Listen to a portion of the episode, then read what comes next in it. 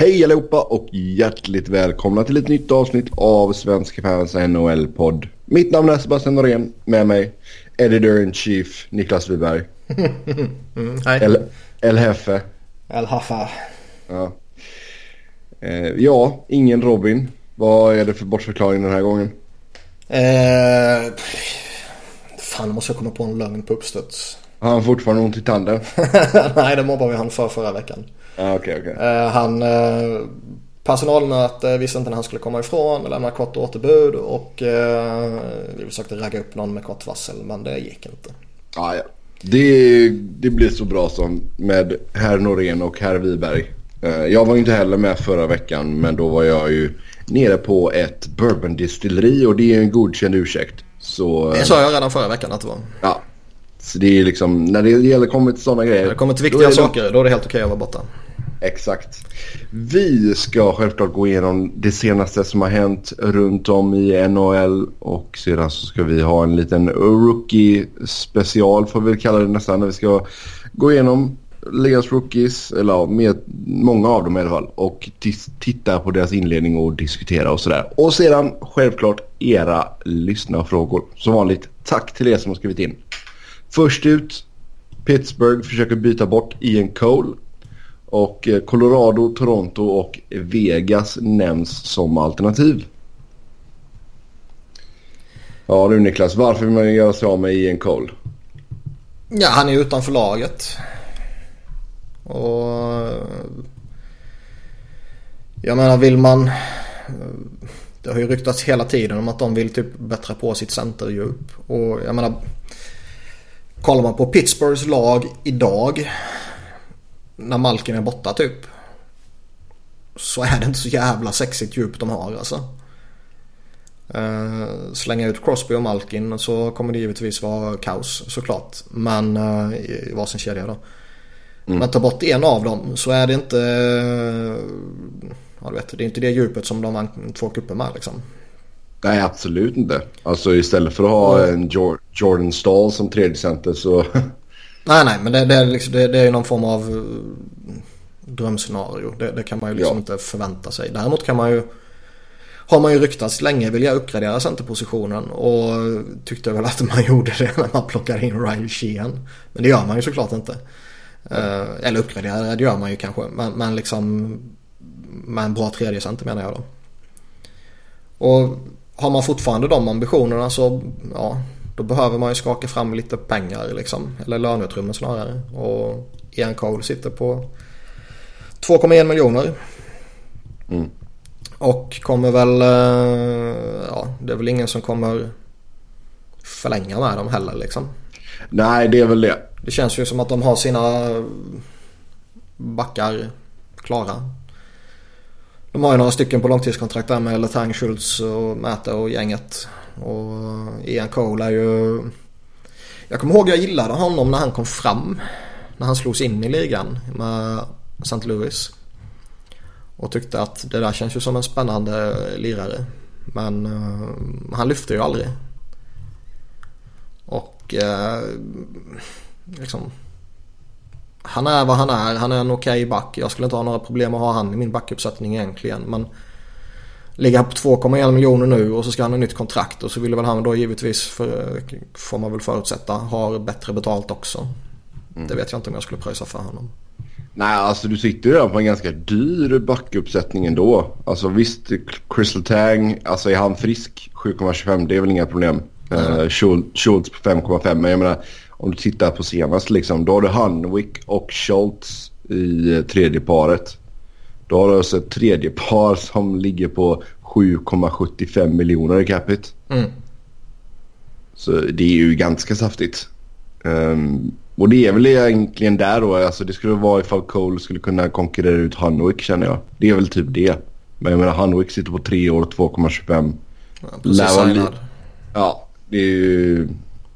Cole, Cole som du säger är ju liksom the odd man out. Och visst, jag tror inte han kommer ge någon jättereturn. Så du får ju nog eh, snickra ihop något paket där om du ska ha en gedigen center. Nej men jag menar det kan ju det kan vara två helt olika trades liksom. Det kan ju bara handla om att göra sig av med Ian Cole och Eh, liksom inte bara nöja sig med något skräputbyte och liksom skicka han mot future considerations eller något sånt där bara för att bli av med honom. Utan man kanske vill ha något vettigt pick och, och sådär. Mm. Och sen gör man den andra traden för att få in en, en riktig center. Om det nu är det man vill göra. Men det är ju vad jag skulle gjort liksom. Ja. För jag tycker det... Man märkte så tydligt nu när Malcolm har varit borta några matcher att... Uh, ja, djupet har fått sig en törn när de har tappat alla Bonino och Kallan och allt vad fan det var. Säga vad man vill om Chris Kunitz men eh, han är ju ändå, eller han var ju ändå en duglig winger liksom. Jo. Jo men alltså sen när du blir tvungen att spela Sheehan som andra center då liksom då, då är det ganska uppenbart att ja han håller kanske inte riktigt för det. Nej, sen, herregud. Och sen tycker jag Günther, visst han kan väl gå in och lira center men han är ju bättre som winger. Ja. Jag menar, de så... spelare som kan fylla upp en position som center så att säga. Mm. Men äh, se till att få en riktig tredje center liksom. Mm. Det, de har ju chans att... Visst nu kanske man inte... Jag tror inte deras problem kommer hålla i sig hela säsongen. Att de börjar dansa runt wildcard-platsen och, och sådana här. Utan jag tror de kommer klättra. Det, det känns liksom oundvikligt. Men de har ju chans att göra något ja, de har redan gjort något som ingen har gjort genom att vinna två år i rad under den här eran. Och vinner de ett tredje år här nu så eh, då ska de få en dynastistämpel på sig. Ja, ja absolut. Alltså det, det räcker väl egentligen att du ska ta dig till en konferensfinal till. Alltså tittar man på historiskt vad dynasti är. Ja, men det, så handlar det... det kan vi ju fetglömma nu för tiden. Jo, men jag tycker, ja, det är absolut. Men jag tycker väl ändå det är relevant och, och liksom... För jag menar historiskt är det ju inte bara att vinna många år i rad. Alltså Montreal vann ju flera år i rad. Och, men liksom är ansedd som dynasti. Och Edmonton var ju dominanta under Gretzky-åren där. Men de vann ja. ju inte alla år i rad. Nej exakt, men de har ju fortfarande långt varje år. Ja exakt. Mm. Men liksom gå, gå till två raka kupper och sen konferensfinal och sen inget mer. Ja, då kanske man ska få någon form av, som vi brukar prata om Chicago, där någon form av modern dynasti liksom. Jo. Men sen om skulle vinna en tredje gång här, då är det ju en osannolik bedrift nästan. Ja, då är det ju satt i sten att det är en dynast, modern dynasti ja, som du säger. Lite problem på målvaktsposten också då Murray gått och blivit skadad. Um... Mm, Jake Voracek. Så eh, mm, två, till fyra, två till fyra veckor tror jag att han ska vara borta i alla fall. Ja, men Tristan Jarry är ju en bra prospect liksom. Och kom, låta han komma upp nu och, och känna på det här. Det kan väl bara vara nyttigt också liksom. Så man vet vad man... Man får en ordentlig titt på honom liksom. Han har varit duktig i Wilkes Barry Scranton Penguins och... Eh,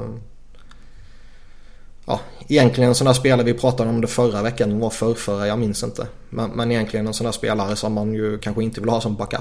Utan vill spela honom i HL. Ja, exakt.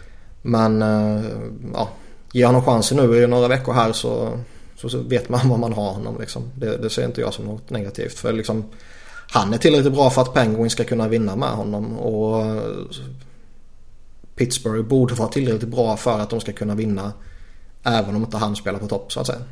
Mm. Om vi då tittar på de potentiella... Ja. Alltså, för att återvända till det jag snurrade in mig på som blev lite långrandigt. Det här med liksom, de kan göra något stort med dynasti och så vidare. Då ska de verkligen gå för det liksom. Och då behöver de ju bättra på laget. De behöver mm. få ett bättre djup. De behöver få en bättre center och, och så vidare. Men å andra sidan behöver man kanske inte göra det i november, december. Utan Nej. det kanske räcker då framåt trade deadline om, om laget eh, Sen du vet börjar laget rasa och falla och man inte får någon riktig ordning på det. Då, då kan man ju agera i december såklart. Men jag skulle bli förvånad om det sker alltså. De är för duktiga i grunden. De har för duktiga nyckelspelare. Ja. Om vi tittar på de lagen som har nämnts här då. Colorado, Toronto, Vegas. Uh, Vegas hade ju en center som var ganska bra men honom skickade de ju till Ryssland. um, alltså vad tror du man kan få för typ av utbyte om vi bara håller oss till de här tre lagen? Eh, en Cole-trade syftar du på då eller? Ja exakt. Vad, vad tror du Colorado, Toronto och Vegas är villiga att ge upp där? Nej men kollar man på Toronto så är det väl liksom man gör väl oundvikligen målvakts eh, resonemanget då med tanke på att redan innan Matt Murray blev skadad så ville de ju ha en, en backup så att de kan spela Jerry i, i AHL då som de var inne på tidigare. Eh, där har de Picard till exempel. Göra någonting kring det kanske är en fit för båda om man pratar att uh, vi vill ha det här, vi kan ge upp det här liksom. Ja. Uh, däremot tycker jag att Toronto behöver gå efter en bättre back än Ian Cole. Ja, jag ser inte riktigt alltså hur mycket han höjer deras... Ja, visst, det kanske är en liten uppgradering men... Nej men alltså för fan, jag spelar ju hellre Cole än Roma Polak tio dagar i veckan. Jo, jo, jo, självklart. Men om, om man liksom tittar på Zaitsev och Riley och Gardner och liksom de där spelarna så är han ju... Man skulle vilja ha någon där eller ännu bättre. Mm. För att liksom stabilisera hela backbesättningen och spetsa till backbesättningen på något sätt. Och eh, Den backen är ju inte Cole. Och den backen tror jag de skulle behöva för att göra en riktig push i ett slutspel. Vilket de har typ alla andra förutsättningar för att göra. Ja. De har en bra målvakt, de har bra bredd och djup sådär i, i försvaret även innan de får in en eventuell ny spelare. Och sen, jag menar deras forwardsbesättning är ju jättebra. Mm, det var ju en hel del snack om eh, Ekman Larsson när Keotis var och spelade mot just Toronto. Ja. Eh, Simons eh, var i farten där. ja, är han alltid. Ja. Herregud alltså. Ja. Men alltså visst, alltså man behöver ju inte ta... Ekman Larsson skulle givetvis göra dem bättre såklart. Men å andra sidan skulle han ju kosta jättemycket. Jag kan ju tänka mig att alltså... Mike Green räcker kanske. ja, Mike Green skulle nog inte vara en eh, helt dum förstärkning för dem. Nej, och om man skulle få honom... Alltså ska du ha in Ekman Larsson då behöver du ju liksom ge upp typ Marner kanske. Mm. Men det behöver du inte göra för Mike Green rimligtvis. Nej, Eh, Så det, någon, ja, någon sån där skulle väl jag kunna tänka mig. Och jag menar säga vad man vill om Mike Green men han har ju varit bra under inledningen här. ja absolut. Kontraktår. Ja, sen är jag inte den som man kan misstänka i alla fall lyfter ditt lag från en, ja du vet, en av åtta contenders eller någonting till att bli den contendern. Men eh, han skulle ju stabilisera och spetsa till till viss del. Försvaret som de redan har tycker jag. Absolut. Så länge vi inte behöver se Polak så. Men ska man bara snacka vad som finns i Toronto nu mot i Cole så känns det ju som ett målvaktsbyte där då. Mm. Känns väl rätt rimligt. Det skulle passa Pittsburgh och det skulle passa Toronto. Ehm, sen vet jag inte riktigt hur eh, de kanske behöver fylla upp med lite mer lön och sådär för Cole är ju lite dyr som sagt. Jo. Och vad hade vi mer? Vegas. Ja, de vill ju bli av med backar. Ja, så jag, det känns lite konstigt men men. Det kan väl vara byta back mot back i så fall liksom. Att eh, Pittsburgh får en billigare back som de kan ha på läktaren. Ja. Jo, det är väl sant. Brad Hunt. Han kostar inte mycket. Nej men han eller Colin Miller eller John Merrill liksom. Jo, det är sant. Ja. Yes, nej, vi tar och går vidare. Jag Vi hade, vi hade ett tredje lag. Vad var det mer? Colorado. Colorado. Ja, vad fan skulle de... De kanske offrar pick eller någonting då. Yes. Eh, inga diskussioner nu mellan John Carlson och eh, Washington. Han sitter ju på utgående här nu och eh, lite konstigt ändå kan jag tycka att man inte har någonting klart än. Ja, det är det väl. Eh, Samtidigt så förstår jag väl ifall han kanske är lite sugen på att testa upp när marknaden. Han har ju suttit på ett väldigt bra kontrakt för Washingtons del. Strax under 4 miljoner. Eh, är 27 år gammal och blir UFA här nu. Ja, jag, jag håller honom högt. Jag tycker han är en jätteduktig back. Men eh, det kan ju vara som du säger att han... Eh, han börjar han skulle göra mot... Toronto bättre. Oh ja. Han bör, men det kan vara att han börjar snegla mot Free Agency och kanske resonera någonting kring att Caps eh, är kanske inte den där contendern som de borde ha varit tidigare år. Nej, plus att de antagligen inte kommer kunna betala honom det han vill ha. Eller det han helst vill ha kan man väl säga. Nej, så kan det vara. Men det kan ju också vara att uh, okej, okay, ska de betala mig det här så uh, måste någon annan skeppas ut. Och det är ju inte säkert att det blir Brooks Orpik. Det kan ju lika gärna bli liksom en Matt Niskanen i så fall. Ja. Uh, och då känner han att då blir ju laget betydligt sämre. Då kan jag lika gärna gå till ett bättre lag där jag får typ likadant betalt. Mm. Alltså skulle de kunna lösa så att de blir av med Orpik. Visst, då kan du lägga de pengarna på Karlsson. Um, för jag menar, han ska väl ändå upp runt... Han ska ju ha mer än Niskanen på 5,75. Ja. Han ska väl upp kanske och snudda på 7 till och med. Mm, ja, där runt omkring. Framförallt om han ska ut på Free Agency. Ja, då snackar vi... Då kan han nog landa på 7,5 till och med tror jag. Mm. För det är en så um, stabil back. Gör sina poäng. Ja, nej, han är jätteduktig. Och som sagt, han kommer vara eftertraktad. Och... Eh, nu har jag inte läst jättemycket om, eh, eller läst, jag har inte sett jättemycket om det diskuteras eller spekuleras någonting i hur Caps tänker långsiktigt. Men det var Elliot Friedman som skrev någonting om att eh, ja, men de har ju splittat på Bäckström och Ovechkin och varför har man gjort det? Ja det kanske är för att vi har provat dem tillsammans och det har inte gett oss ett skit. Nu provar vi att låta dem leda varsin kedja. Mm. Och så ser vi vad, eh, vad det leder till liksom. Sen har de ju återförenats och, och hela det här köret. Eh. Alltså jag tycker det är ett av, alltså visst nu kanske det inte har varit lika on fire som det har varit tidigare år. Men det har inte så varit, om vi tittar tillbaka så är det ju liksom ett av ligans bättre duos liksom under många, många år. Ja, och jag säger inte att man ska göra så. Men jag säger bara att eh, Friedman sa att så kanske de resonerar.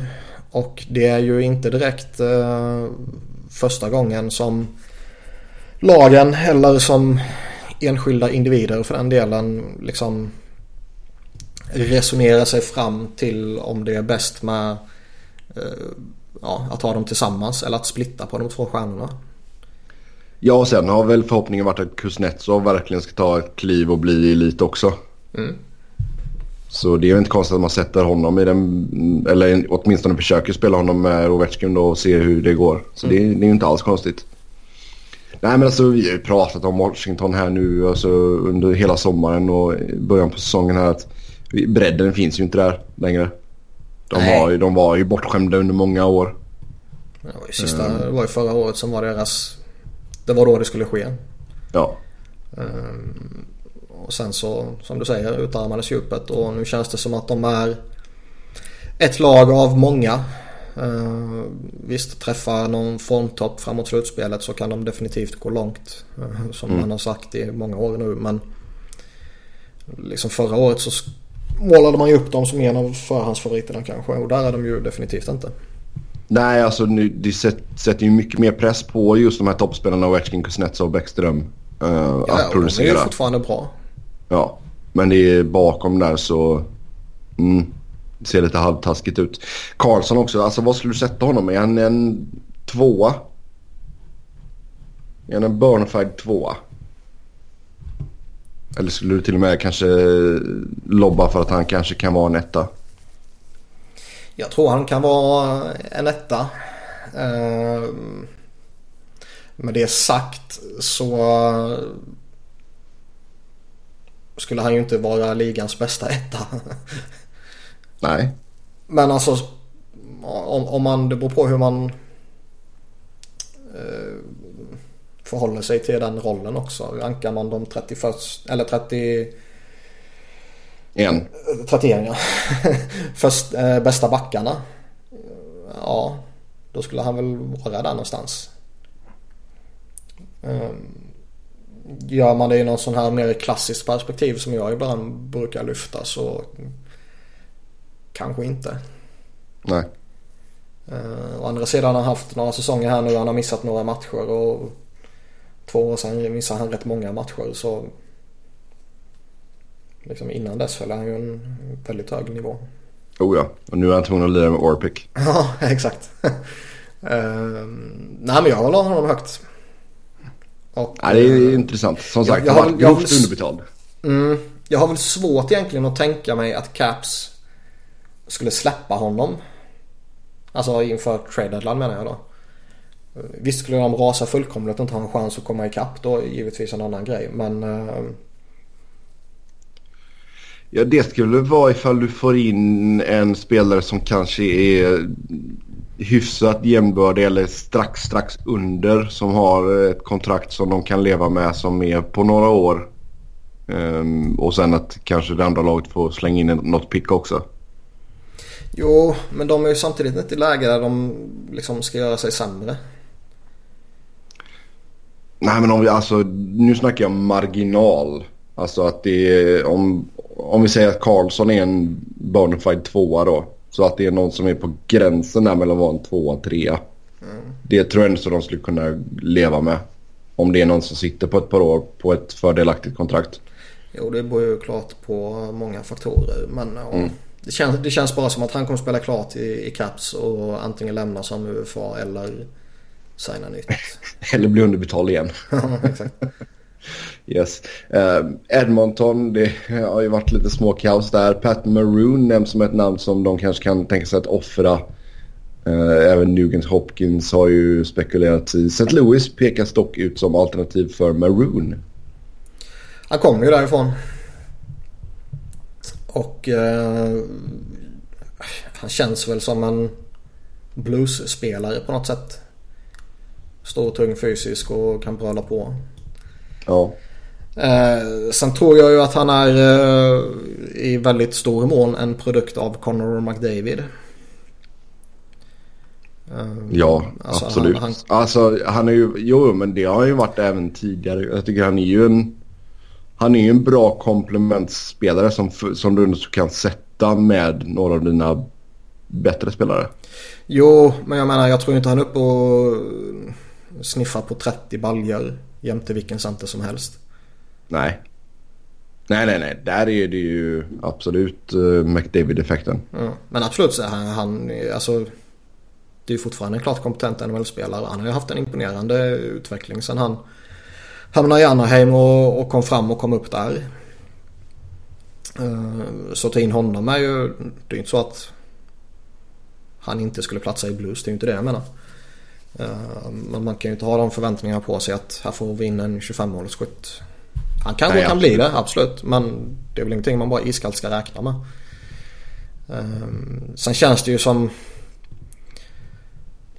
Visst, givetvis på, beroende på utbyte och hela det här köret. Men skulle de...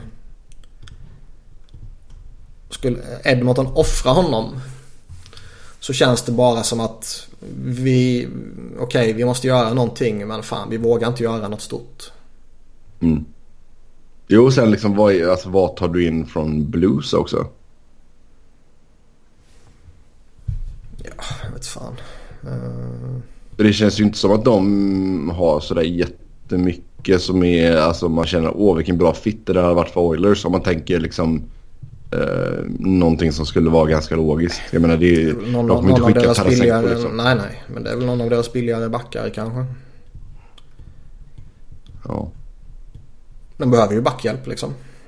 Joel Edmondson. Ja, men han är duktig. Bortuzzo känns som någon som uh, eh, Charelli mycket väl skulle kunna värdera. Mm. Uh, det känns ju lite logiskt sådär. Chris Thorburn kanske. Usch. Nej, skämt åsido.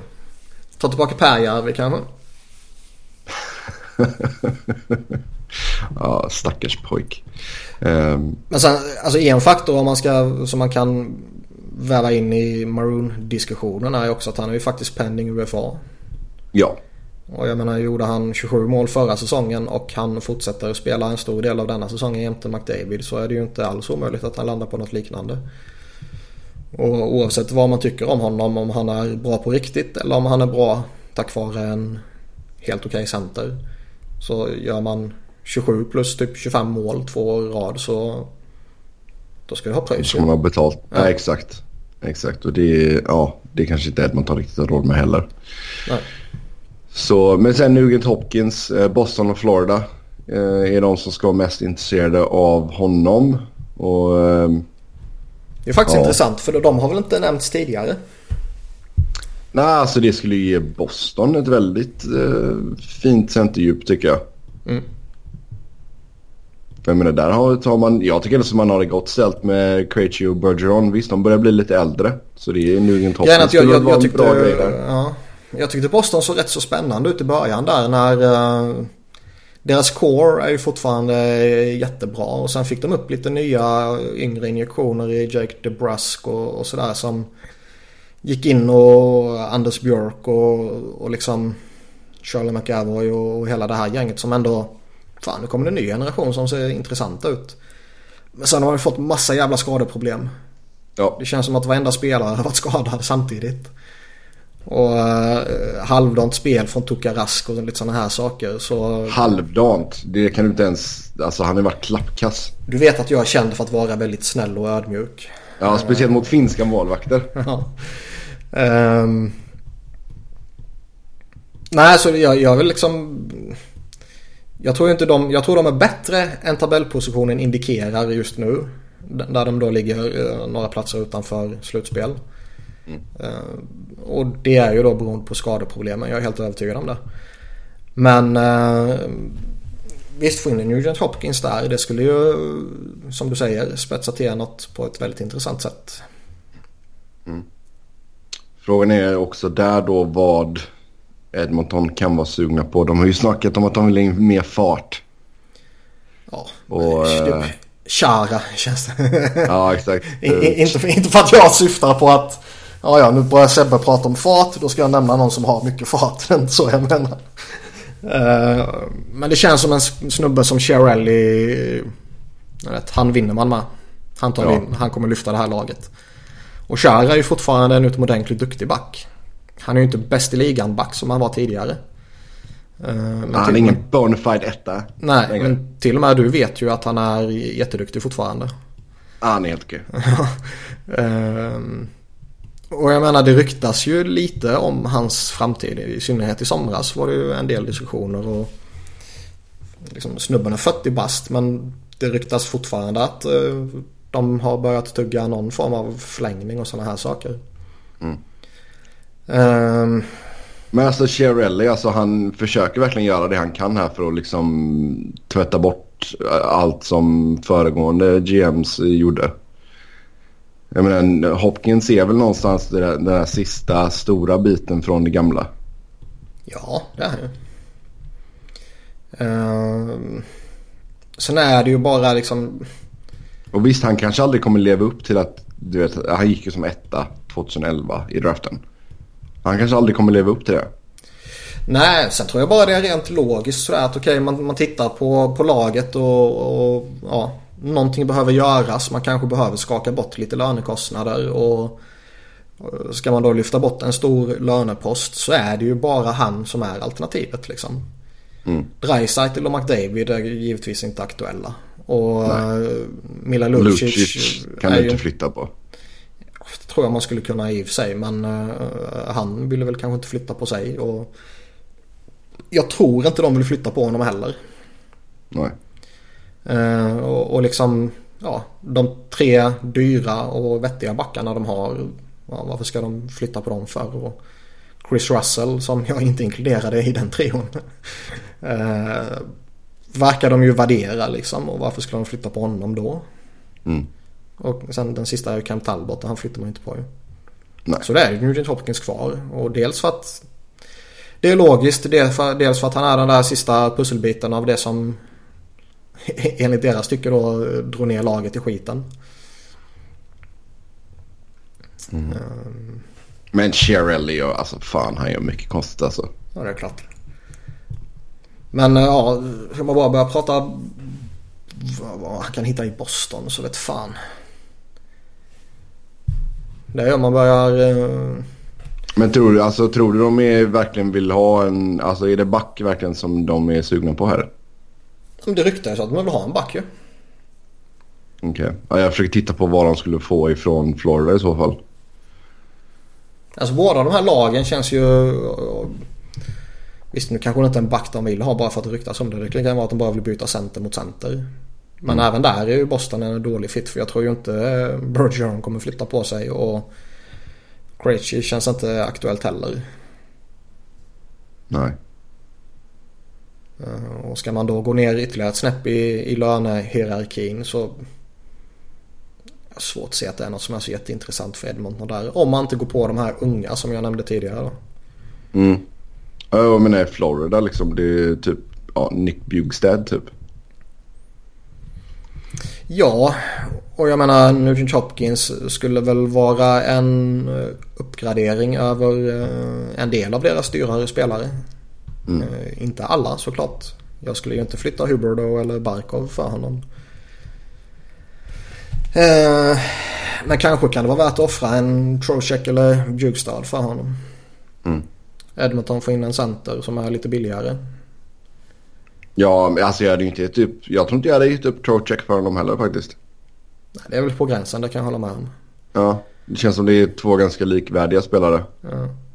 Och då är Enzo Trocheck lite yngre och sitter på billigare kontrakt. Ja. Um... Så det skulle vara Sen vet man ju inte heller, alltså Dale Talon. vi, uh, vi nämnde ju han lite i förbifarten förra veckan det här. Men han började prata om att uh, vi gick in på analytics för, för mycket. Men tack gode gud är jag tillbaka och nu ska jag styra upp det här skiten liksom. Ja, exakt. Och sen så ligger de näst sist i, i Eastern. Ja, herregud. Men... Uh, så man vet ju inte riktigt vad, vad han vill göra heller liksom. För de har ju rensat ut lite av det som förra regimen uh, gjorde. Mm. Och det, jag menar.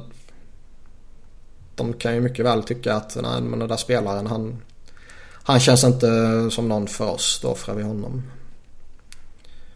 Och exakt hur de resonerar där det vet man ju inte. Nej exakt. Ja, det är, ja.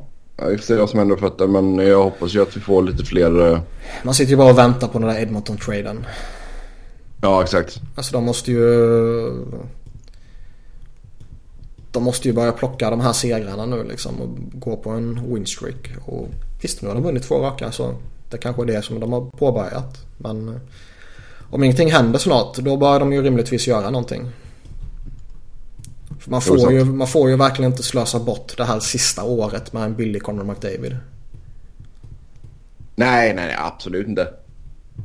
Det, och det är som jag sagt alltså... tidigare. Toronto gör ju utomordentligt bra när de försöker gå för det nu. De de här åren där de har uh, Matthews och Nylander och Marner i, i första hand då billigt. Ja. Och där tycker jag väl att Edmonton som i så många andra fall uh, har misslyckats. Ja, att de börjar göra ett bra jobb där, absolut. Mm. Sen Torrey Mitchell till LA i utbyte mot ett conditional femterumsval i sommarens draft då som går till Montreal. Är du taggad eller? Nej, inte någonstans verkligen. Det är spelare från lägre kedjorna. Lite för dyr kan jag tycka. Uh, sitter på 1,2. Lyckligtvis så är jag ju pending UFA. Men... Det känns bara som liksom... Ni har redan Lewis och ni har redan Clifford och liksom nu tar ni in en ny sån. Mm. Ja, ja, så tog man in Jokinen precis också. Ja, men liksom byta hand mot Camilleri. Där tycker jag ju, då tar jag hellre en chansning på Jokinen än på Camilleri. Ja, ja alltså Jokinen tog man ju in för att han kunde lira center också. Mm. Det var ju lite det att han kan ju spela vad fan som helst i de lägre kedjorna. Mm. Um, Mitchell, ja, center och right wing. Um, så det är väl lite, ja, jag vet inte. Alltså han kommer inte göra någon skillnad, tror jag inte. du menar han inte är en gamebreaker? Nej, men alltså det är... Visst, han hade väl något år Som var helt okej. Okay, ska vi se, för att gå tillbaka i tiden här. Eh, säsongen 15-16 hade han 11 baljer liksom. Ja. Ja, han kan visst. ju pytsa lite här och där och bidra med något sånt där men... Ja. Jäkligt osexig spelare. Nej men det känns bara liksom, det, fan. Borde ni inte få ut mer av att testa en egen ung spelare då istället? Ja, vem? ja men någon jävel från AHL. Sen kan man ju, bara för att jag säger ung så menar jag inte någon 19-åring liksom utan någon som har gjort någonting i AHL i alla fall. Alltså det finns ju inget. Det som är bra är uppe typ. Mm. Det, det är ju det som är problemet. Ja. Men men. Ja, jag ska villigt erkänna att jag inte har eh, extrem koll på Ontario, på Ontario Rain. Rain. Nej. Ja. Men det borde finnas någon jävel där utan att ha någon genomgående koll på dem. Som det kan vara värt att testa innan man tradar för Tory Mitchell liksom. Tyvärr så finns det inte. Jo, det finns det. Uh, ska vi se, vem skulle kunna vara aktuell om vi tittar lite här. Uh, Andrew Krasinski. Nej. Alltså det finns liksom, verkligen ingenting. Michael Mersch. Mm. Han gjort nästan point per game i AHL liksom. Jo. Men han känns ju som en sämre version av Jordan Wheel typ. Ja. Men, han kan, men det kanske är vettigare att testa han och alltså. Än att plocka in en trött jävla Tory Mitchell som jag är helt övertygad inte gör varken till eller från liksom. Nej, mm. Nej det, skulle, det skulle vara honom då. Skickar väl, någon, skickar väl någon form av signal inom organisationen också att uh, nej, men vi är redo att testa här. Mm. Ah, alltså deras prospect pool. Oh, ja, nej, det har vi pratat länge om så det, ja, det, det, är det, det känner vi till. Ja, vi går vidare. Rykten om diskussioner mellan New York Islanders och Winnipeg. Är det Tavares nu eller? Ja, exakt. Kom igen. Kom igen.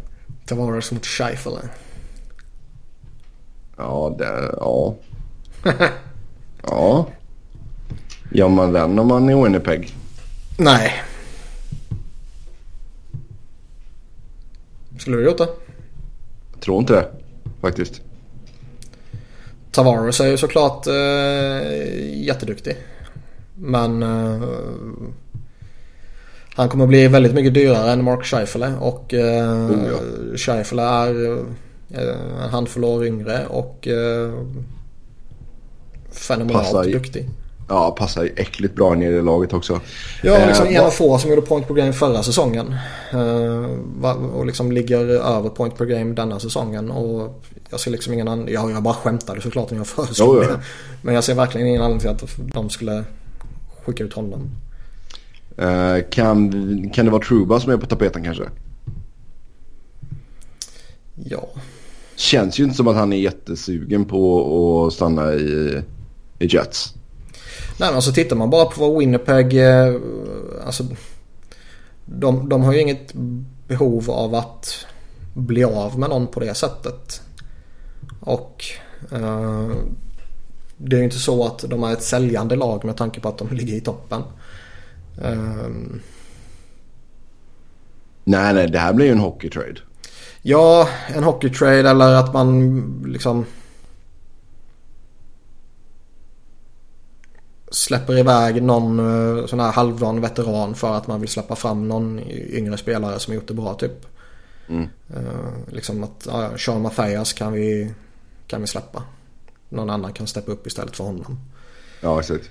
Uh, det är väl något sånt som det känns rimligt. Mm. Så det blir in, in, inte något, någon Tavares tyvärr? Nej, det tror jag inte. Ja. Nej, alltså det är, klockan går där för Islanders alltså. Det är, det är kul att följa. Och så, alltså, jag förstår att Tavares inte är sugen på att liksom krita på nu direkt med tanke på arenasituationen och allting. Mm. Så, mm. Uh, Pittsburgh pekas ut som att vara intresserad av Max Pacioretty. Den är ja. lite intressant. Den är väl väldigt intressant och det skulle ju såklart ge dem en eh, jätteduktig winger. Och eh, eh, det skulle väl liksom vet, peta in han jämte typ en Crosby så skulle ju Pacioretty rimligtvis kunna se jättebra ut. Men det känns som att... Ska man lura på Montreal Hagelin där då eller? Ja, du kan nog lura på Mark Bergevin vad fan som helst om han är tillräckligt desperat. Ryan Reeves. ja, typ. Nej men det, det, känns bara som att ska de plocka, eh, alltså ska man plocka in Pacioretty så kommer man ju få betala så jävla mycket. Och eh, Montreal kommer ju Liksom, de, de, är ju, vi pratade om det för två veckor sedan tror jag det var. Det var förra veckan. Jag minns inte när det började snackas så smått om att Habs kanske kan gå in i en rebuild. Men liksom där är man ju inte ännu. Om man nu skulle eh, tro att det är rimligt liksom. Alltså det känns ju, alltså med, liksom, ska, de, ska de med, med, Price och Webber så känns ju inte det. Nej det går ju liksom inte. Nej. nej. nej. Men ska man liksom släppa Pacioretty eh, så måste man ha ett bra utbyte tillbaka som fyller en funktion idag.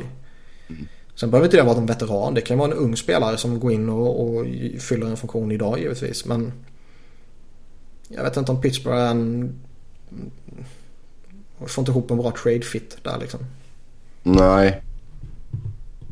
Nej, speciellt med alltså just att du ska... Du måste ju skicka tillbaka lön också.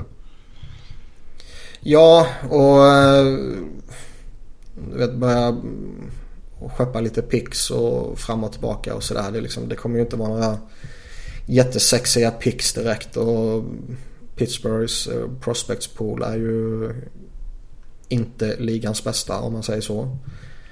Eh, sen har ju det sina förklaringar. De har vunnit kuppen två år i rad så då kanske man mm. nöjer sig med en prospect pool som inte är bäst såklart. Jo. Men äh, ja, nej. jag har bara svårt ja. att se en, en vettig, att säga att de två är vettiga trade partners. Nej, nej alltså just det alltså ska, ska de föryngra sig då Montreal, ja då får du, då måste ju Günzel typ vara en av bitarna du får tillbaka. Mm. Så, mm. Det är intressant. Vi får se ifall det händer någonting där. Och sen i somras så ska det ha varit snack om Zdeno Chara till LA och att det kan bli aktuellt igen om Boston missar slutspel. Mm, det skulle du tycka om. Nej, inte någonstans. Jag förstår inte varför du hatar honom så hårt. Alltså visst om du kan få in honom snorbilligt. Det är ju typ den enda uh, anledningen. Alltså jag skulle aldrig plocka in honom på fyra mille. Alltså vet du vad backarna kostar, kostar idag? jo jag vet de har blivit för dyra. Fyra miljoner för vad Chara bidrar med tycker jag ju är bra.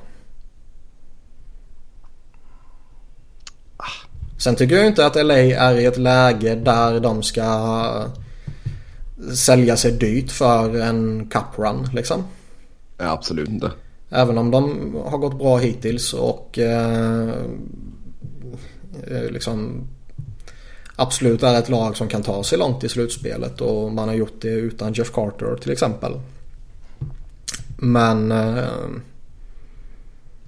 jag börja sälja av någon enstaka prospects av de får man ha plus picks och grejer och lite framtid för att plocka in Chara. Det läget tycker jag inte Kings är i. Nej, det skulle vara ifall du plockar honom som UFA i sommar då liksom. Ja, jo, men då blir det en annan grej. Men om man pratar under säsongen här. Ja, ja nej, nej, nej. Det, då får Boston ta tillbaka något skräp. Ja, eller så handlar det om att eh, Boston får inte till någon lösning med honom och vill inte tappa honom utan man vill eh, helt enkelt byta ut honom då och han känner att ja, jag kan flytta till ett lag som ger mig lite större chans på att vinna kuppen om han nu känner att Kings gör det liksom. Ja. Och så får Boston in någon som är lite mer uh, Alec Martinez som har några år kvar på sitt kontrakt som inte är dyrare än vad Chara är men givetvis snäppet sämre. Men det känns också jävligt kortsiktigt av Kings. Och om man skulle skicka bort Martinez för Chara. Jo, jo, men det är det jag menar liksom. De är, de är inte i ett läge att göra det. Medan typ Nej. Toronto som jag nämnde tidigare är ju ett läge för att göra det. Mm. Ja, nej, vi får se. Men som sagt, ja, nej, fyra, fan, fyra mille för 40-årig Chara. Uh. Det är någonting fel på back, eller backmarknaden alltså. Uh, Calgary sägs väl göra något med sin backbesättning. Betyder, betyder det att man vill sälja av någon eller att man vill lägga till någon? Eh, ja, det var väl det som de inte visste. alltså det Mark Giordano-kontraktet ser inte bra ut nu. Alltså, minns jag såklart inte ordagrant vad vi sa men de flesta sa väl att eh, när det signades att han han är gammal. Han kommer ta ett steg mm. tillbaka. Han är fortfarande bra när, när, när han signade här då liksom i förtid. Uh, och de första åren är kanske inga problem men sen kommer han börja falla av. Mm. Det, det, är liksom, det är ju ingen chock. Nej, jag tycker det är, alltså, det är ju klart att han har, han har pikat ordentligt. Alltså, nu, det, nu kommer det vara en nedåtgående det tror jag med. Det tror jag med. Frågan är bara hur uh, brant den blir. Mm. Uh, Sen vet jag inte om liksom, jag tycker att man behöver göra så värst mycket med, med den backbesättningen. Alltså Giordano fortfarande duktig. Doggy Hamilton är, eh, är bra och kan växa ytterligare. TJ Brody och Travis Hamonic är stabila men ändå eh, typ svåra analyserade. Eh, Michael Stone är ju inte så jävla sexigt såklart men... Nej, det är, men det är också det. Alltså 3,5 för Michael Stone. Det visar ju också på hur skev marknaden är. Ja, eller så visar det hur jävla fantastisk Chara är. ja, vi kan försöka spinna det på det sättet. Nej men seriöst, alltså det, det, nu beror det på givetvis vilken ingång man har när man går in i diskussionen. Men om man bara pratar Chara och får han för 4 miljoner, det är ju skitbra. Mm. Jo, det är klart. Eh, jag ger honom lite väl mycket hat kanske ibland. Ja. Men det, är, det, är, det, är, till, och med, du vet, jag är så mycket när, när till och med jag anser att eh, hatet börjar spinna ut eh, liksom okontrollerbart. Ja. Då har det fan gått för långt. jo, det är sant. Det är sant. Men det är som, som sagt, jag har alltid haft den här lilla hatgrejen för Chara sen, sen han tid i Färjestad också. Så det, det, har färg, det har färgat mig för honom eh, i hela karriären där. Ja. Uh, Nej men alltså kan, kan du på något sätt, jag vet inte, alltså vad är Giordano för värde på marknaden idag liksom?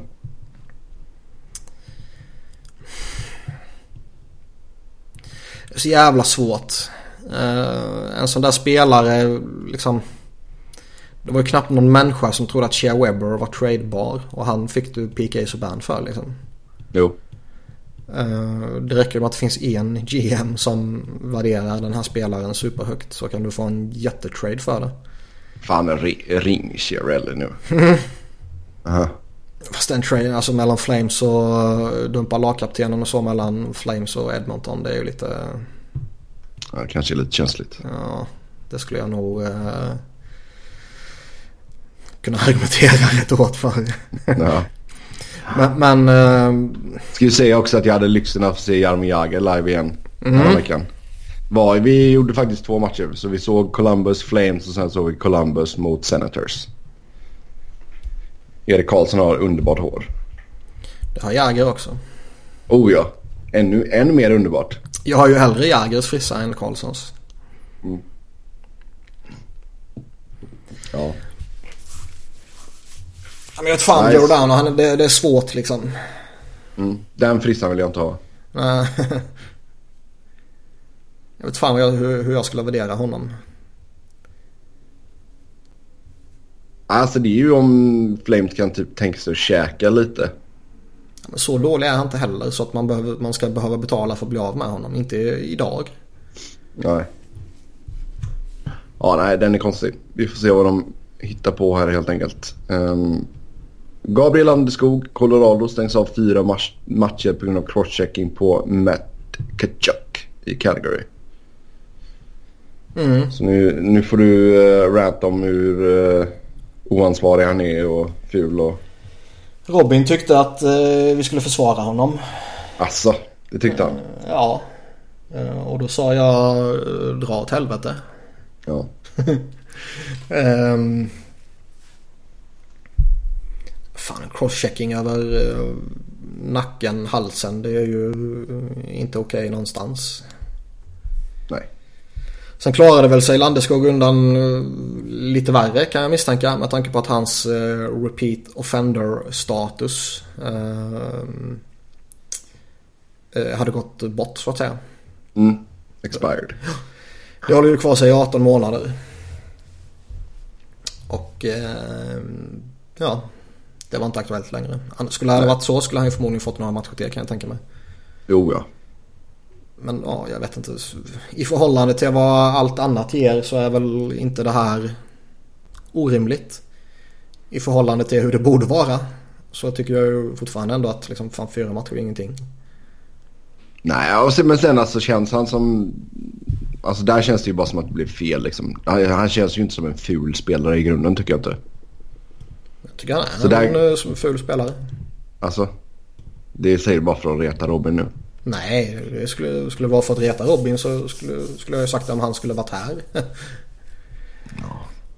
Men jag tycker han är lite sådär eh, sneaky ful spelare. Han har ändå gjort lite skit genom åren. Det här sneaky ful. Landeskog är sneaky ful. Där har vi eh, veckans rubrik helt enkelt. Nej men Sen... ja, alltså vad ska man säga. Malken är ju likadan. Malken är ju fruktansvärt ful. Mycket mm. armbågar och mycket skit och knä och djävulskap. Men när du är tillräckligt bra och du inte heter Chris Pronger så skiter ju folk typ i det. Och Veskin fram till typ, ja nu, nu mot slutet har han lugnat ner sig lite när han blivit lite äldre men ja. Ovechkin var ju också en sån spelare. Inte så mycket armbågar och skit men, men liksom du vet lite vårdslösa tacklingar. Ja jag tänkte säga han var ju vårdslös var ja. absolut. Men är du liksom Sen... tillräckligt stor stjärna och du inte heter Chris Pronger då kommer du undan med det. Ja. Sista nyhetsgrejen här är det läck. Eh, Calgary passerade waivers. Eh, vad det, har vi sett det sista av honom i NHL?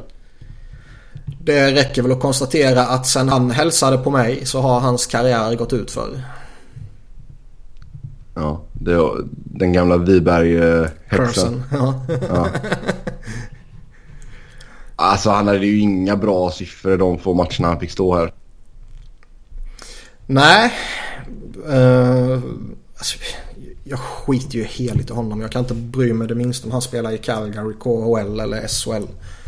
Men eh, lite förvånad ändå att han har liksom fallit av så hårt som han har gjort. Alltså han var ju helt okej okay när han ändå så delade på sysslan i Canucks tycker jag. Mm. Sen ja Carolina-åren. Mm kanske inte var sådär kalasbra. Nej, och de där åren där, det, det var ju inget topplag direkt så det kan ju ha varit svårt för en målvakt. Ja, exakt. Uh, Calgary... Svårt att säga någonting. Han har spelat fyra matcher liksom. Ja. Visst, han, han, har varit klappkass i de fyra matcherna. Ja. Men fyra matcherna är ju i sig ingenting. Nej. Men det har ju varit liksom, uh, vad ska vi säga? anti eller Antiniemi-klass liksom. ja. Så ja, nej. Jag, jag, jag, nej jag, ty jag, tycker verkligen inte det är fel att, att liksom dumpa ner honom. Det kan ju vara att skicka ner honom till Stockton och låta honom lira lite och få lite självförtroende och sen plocka upp honom igen. Mm. Ja, är ju pen, penning får också. Mm. Så vi får se hur det går för honom i Stockton. Det är alltså stackars pojk att behöva bo där. Var ligger det? Kalifornien. Mm. Men det är, är um, ja, ska man säga. Det är rough, rough i Stockton alltså. Alltså?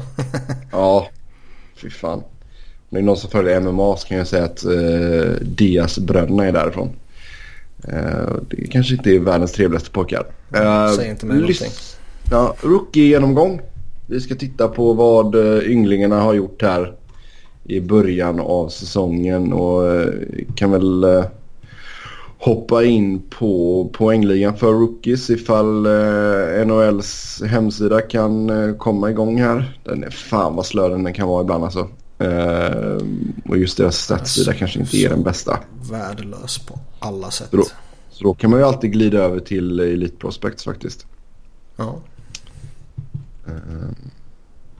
Men vi gör så här att vi tittar på rookies. Och då ser vi en viss Matthew Barsal med 24 pinnar i topp. Eh, han har ju faktiskt sett eh, jävligt spännande ut. Snuskigt bra. Ja. Hade ju en riktigt galen match. Eh, där det blev hur många assists som helst. Uh, Brock Boser ligger tvåa med 22.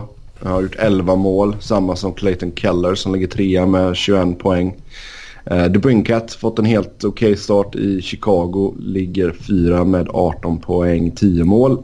Samma antal poäng som Nico Hischier och Will Butcher i New Jersey. Uh, de flesta som har följt mig en tid vet ju vad jag tycker om Chicago.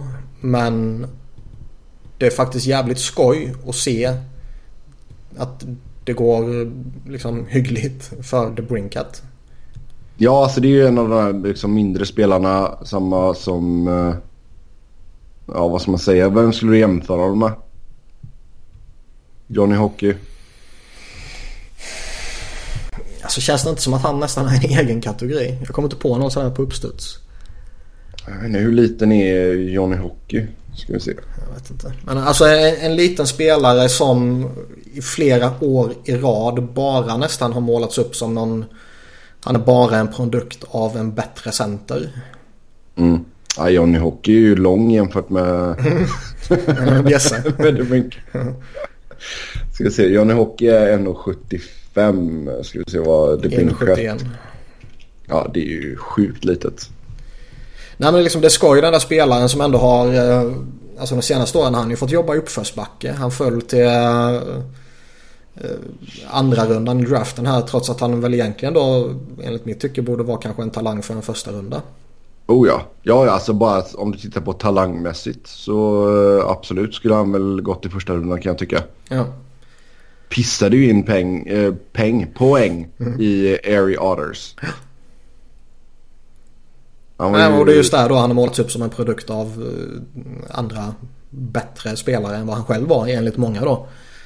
Eh, så det är ju väldigt skoj att, att han dels fick chansen i NHL från början och mm. att det faktiskt går bra för honom. Och 18 poäng på 24 matcher det är ju det är en bra notering. Ja, 10 baljor redan. Mm. Så det är absolut bra. Alltså jag tycker Clayton Keller har gjort det. Det är väl den rookien som jag har sett mest av och han har ju imponerat stort alltså. Arizona har ju varit riktigt dåliga men Keller har ju varit... Han har varit en av få liksom... som har varit bra ju. Ja, ja visst alltså.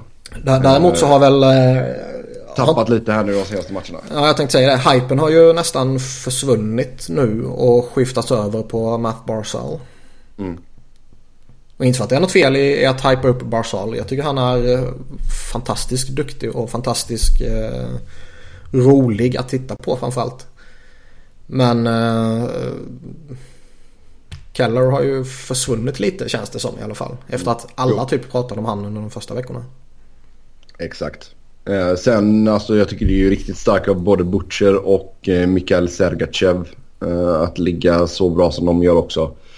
Mm. Eh, Butcher då med 18 poäng och Sergachev med 16. Eh, två riktigt bra backar. För det är, Sen är det ju typ Ja, McEvoy har 11 pinnar på 22 matcher.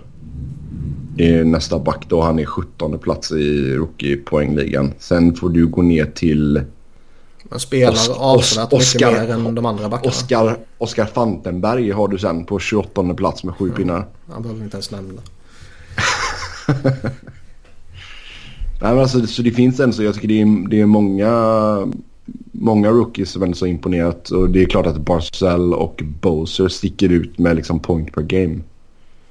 Efter så pass många matcher ändå. Oh ja, och eh, båda två har ju sett bra ut. Och, och, har ju har ju bidragit med mer än bara poäng också. Eh, nu menar inte jag att det bara är de som har gjort det givetvis. Men eh, jag skulle väl ändå säga att de som ligger i toppen av poängligan har varit bäst. Det behöver ju inte alltid vara så. Nej. Uh, jag menar jag skulle ju fortfarande välja Charlie McAvoy för uh, andra backar. Men uh, om man pratar om de som ligger i absoluta toppen bland forwards så är det ju de som har varit bäst tycker jag. Mm. Mm. Eh, annars Jesper Bratt ligger tia. Det var ju mycket hype kring honom i början. Um... Det är klart det är ju en häftig resa som han har gjort där och, ja, det är klart. och hela det här köret. Men fan jag pallar inte bry mig om honom. Ja, det är klart du inte gör. Och sedan min favorit Adrian Kempe, 12 plats, 14 poäng. Förmodligen uh... tidernas mest överhypade spelare. Nej då, nej då. Så äh, det är bra att se att det kommer fram någon där i alla fall för Kings. Uh, jag, är lite, jag är lite bitter över att han har varit uh, okej. Okay. Mest för ja. att uh, du har gjort några sådana här småtappra försök till att uh, lyfta honom och så har vi bara sagt åt dig att dra åt helvete. Mm. det gör mig lite bitter. Får jag rätt här? Nej ja. men alltså fun han har funkat bra. Alltså det är ju ett jävla ansvar han har fått. Liksom och ska gå in och ersätta eller täcka upp för ska man väl säga Jeff Carter då i andra kedjan som center. Ja. Um, och ändå gjort det bra får man ändå säga. En spelare som också var lite het i början, det var ju Sonny Milano i Columbus. Uh, har också dippat av rejält på slutet här. Uh, var klappkast i de två matcherna jag såg honom i förra veckan. Riktigt dålig. Han petade några matcher och sådär också. Um, uh, jag, var, jag, var, jag var het som fan på honom när han kom fram där. Mm. Alltså det är, i grunden så finns ju... Ja, alltså det finns ju en talang där men han, han tar många felbeslut mm. uh, faktiskt. Så det är ju någonting var, som... Han var rolig att se uh, JVM för något år sedan där också i Helsingfors. Mm. Men det, det känns som någonting de kan jobba på så det är inga problem. Joshua Hosang, det har bara blivit 14 matcher men han har gjort 10 poäng på de matcherna. Mm. Också en spelare som föll lite långt då på grund av andra grejer på, utöver hans talang så att säga. Jo, så är det. Um, jag har faktiskt sett just han lite för lite för att säga något så. Men däremot jag skulle spela honom. Mm. Jag skulle spela honom före vissa av de här gubbarna som de envisas med att släpa runt på i Islanders. Ja. Om vi, om vi tittar på några som kanske inte, för nu har vi pratat väldigt mycket gott här tycker jag. Uh, ja, nu måste vi börja hata. Nej men alltså Luke Kunin och Joel Eriksson Ek i Minnesota. Alltså båda två ändå så är alltså högt ansedda prospects men det har inte riktigt uh, stämt för dem. Det har blivit tre Nej, poäng för, på 20 du... matcher för Eriksson Ek och det har varit fyra pinnar för Luke Kunin på 17 matcher. Mm. Fast jag har inte fått att stämma för Minnesota som helhet heller. Nej, det är jävligt sant. Och då... Eh... Då är det svårt att komma in som rookie. Nej, men då kan det vara svårt och då, då kanske det inte är så jävla lätt att stå ut. Och jag menar, även om vissa coacher är bättre än andra coacher så fungerar ju nästan alla coacher likadant. Att när det börjar gå lite tyngre så börjar man ta ifrån lite ansvar och lite sådär från de yngre och ge det till veteranerna oavsett om veteranerna förtjänar det eller inte. Mm. Uh, och jag kan väl tänka mig utan att ha detaljstuderat uh, Minnesotas uh, istid och hela det här köret liksom att uh, så kanske det är där också. Mm. Men nu är ju båda nere i Iowa. Mm. Men jag tycker det är liksom, vet, de har haft de problemen där, hade lite skadeproblem till och från, har inte riktigt kommit igång. Ja, då kan man inte hänga en rookie som man kanske förväntade sig lite mer av. Nej. Uh, Travis Seinheim skulle du få prata lite om. Fyra assist på 22 matcher. Han ser ju superbra ut.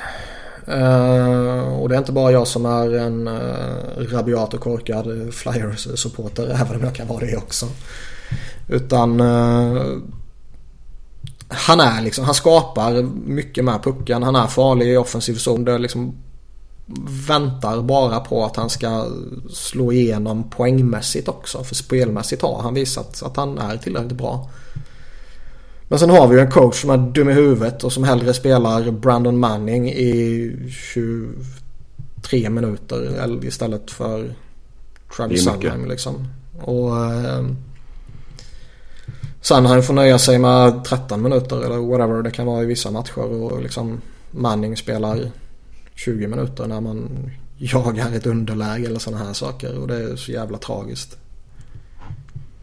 Men visst tittar man bara på poängskörden så tänker man ha offensivt skicklig back. Han borde ha gjort lite mer. Ja exakt. Men uh, det känns som att man, man, bara står och väntar på någon form av ketchup-effekt typ.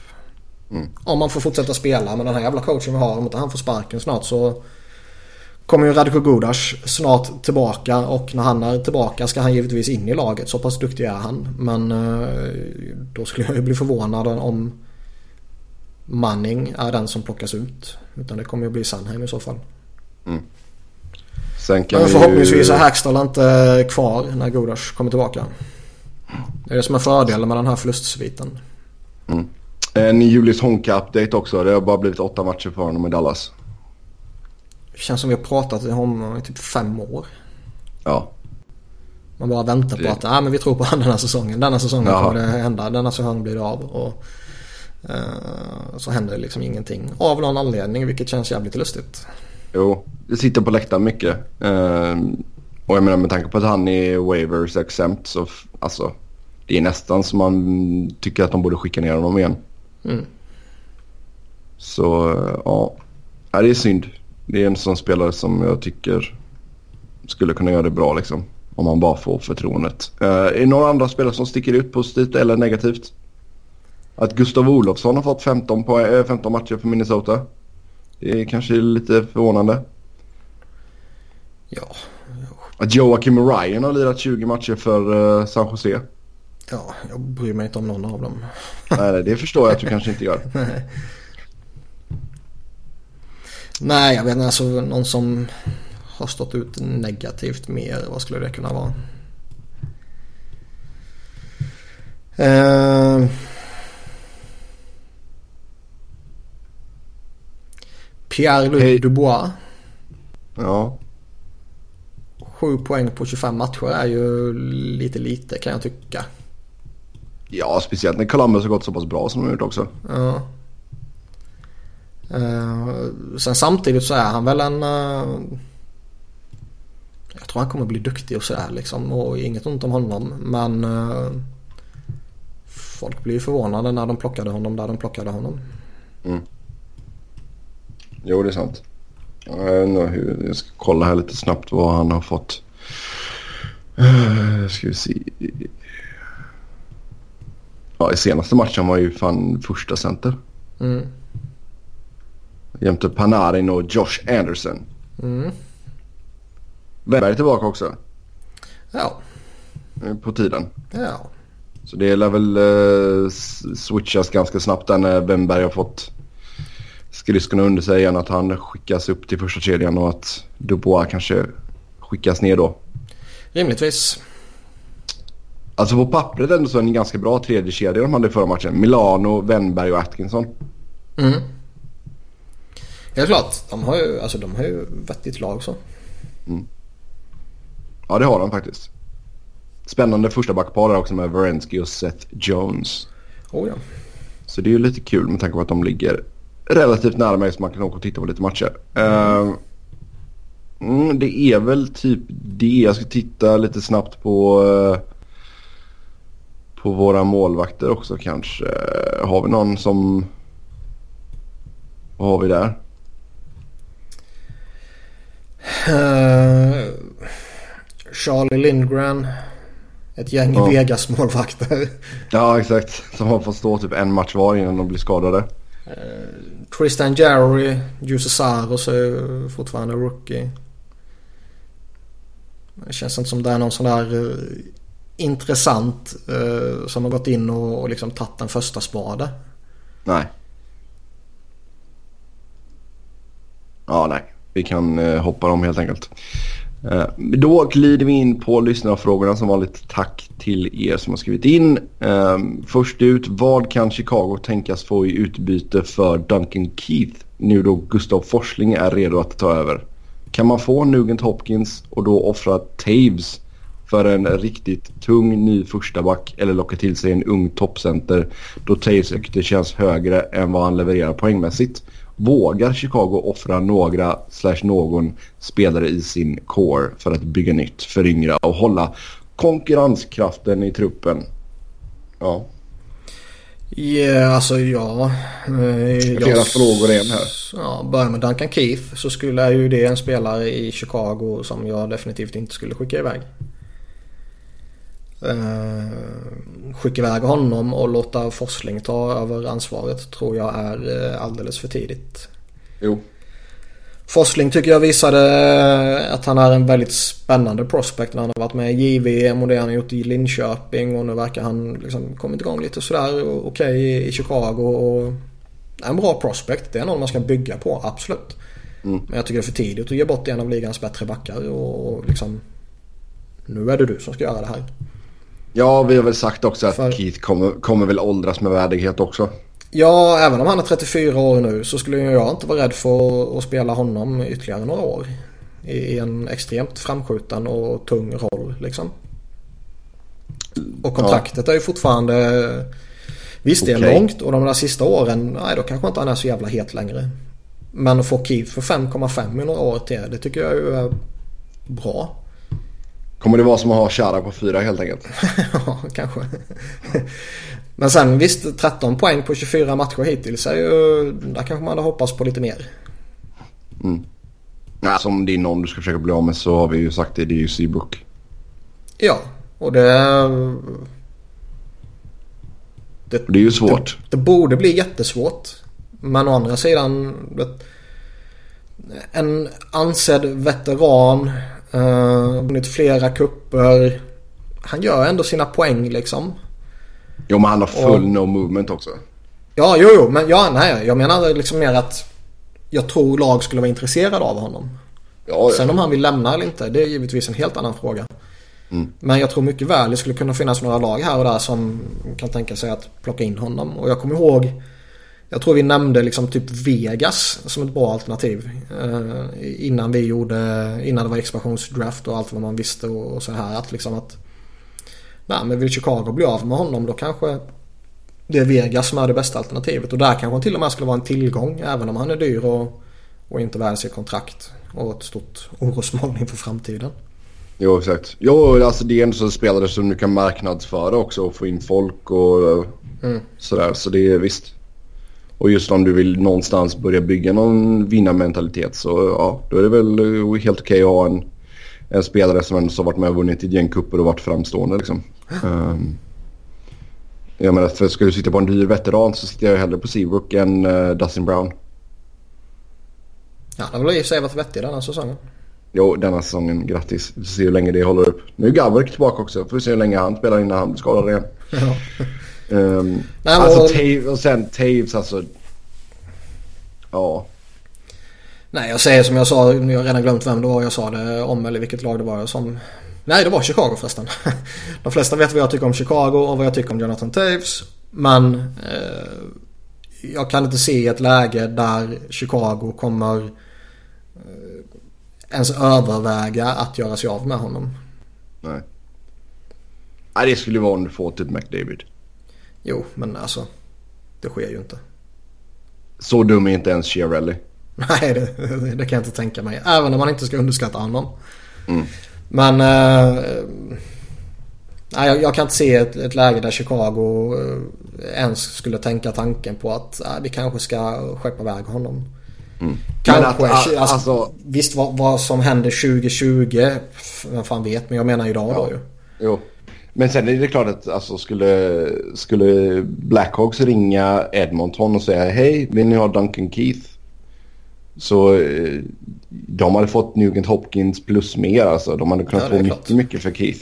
Ja, det borde de få. Um, så det, det hade inte varit några problem. Men jag tror inte att de hade skaffat Nugent Hopkins för att off, och sen offra Taves då och sen försöka liksom retoola på, på det sättet. Nej, och lite nu, de har ju satt sig i ett läge liksom att... Nej, nu måste vi köra på de här fyra. Mm. Kane, Toews, Seabrook och Keith.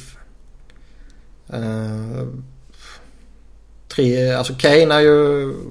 Gör han sina poäng och sådär så... Ja, då, då kan man ju leva med att pröjsa 10,5 för honom liksom. Ja. Toews är ju inte i närheten av värd de pengarna. Seabrook är inte i närheten av att vara värd sina pengar och Keith sitter på ett bra kontrakt fortfarande. Mm. Men de har ju bundit upp sig på dem i synnerhet och Materm. Och då får man leva med det typ. Ja, alltså man... Och det finns ju liksom sämre spelare man tvingas ha kvar såklart. Jo. Men... Uh, Jo, men jag, alltså det känns som att den enda spelaren som har lite term och som ändå får helt okej betalt det är ju typ Anisimov liksom. Mm. Det skulle väl vara eh, honom man kanske skulle kunna tänka sig att avvara ifall man vill göra någonting. Ja, För så mycket annat så, ja. Jag menar det är... Conor Murphy är ju ingenting bra utbyte liksom. nej herregud. Och Corey Crawford är man ändå så nöjd med. Han är riktigt bra. Ehm, så nej, det känns man, man är fast med det man har helt enkelt. Ja, Sen har det alltid varit kul i och för sig. Det hade blivit, alltså tänk dig det ramaskriet det hade blivit överallt ifall eh, de hade skickat Keith och Taves. alltså jävlar. ja eh, beroende till vilket lag som de skulle skickas till så skulle det vara skitskoj. Mm. Och det enda laget som det inte skulle vara skitskoj det är ju ett visst lag. Jo.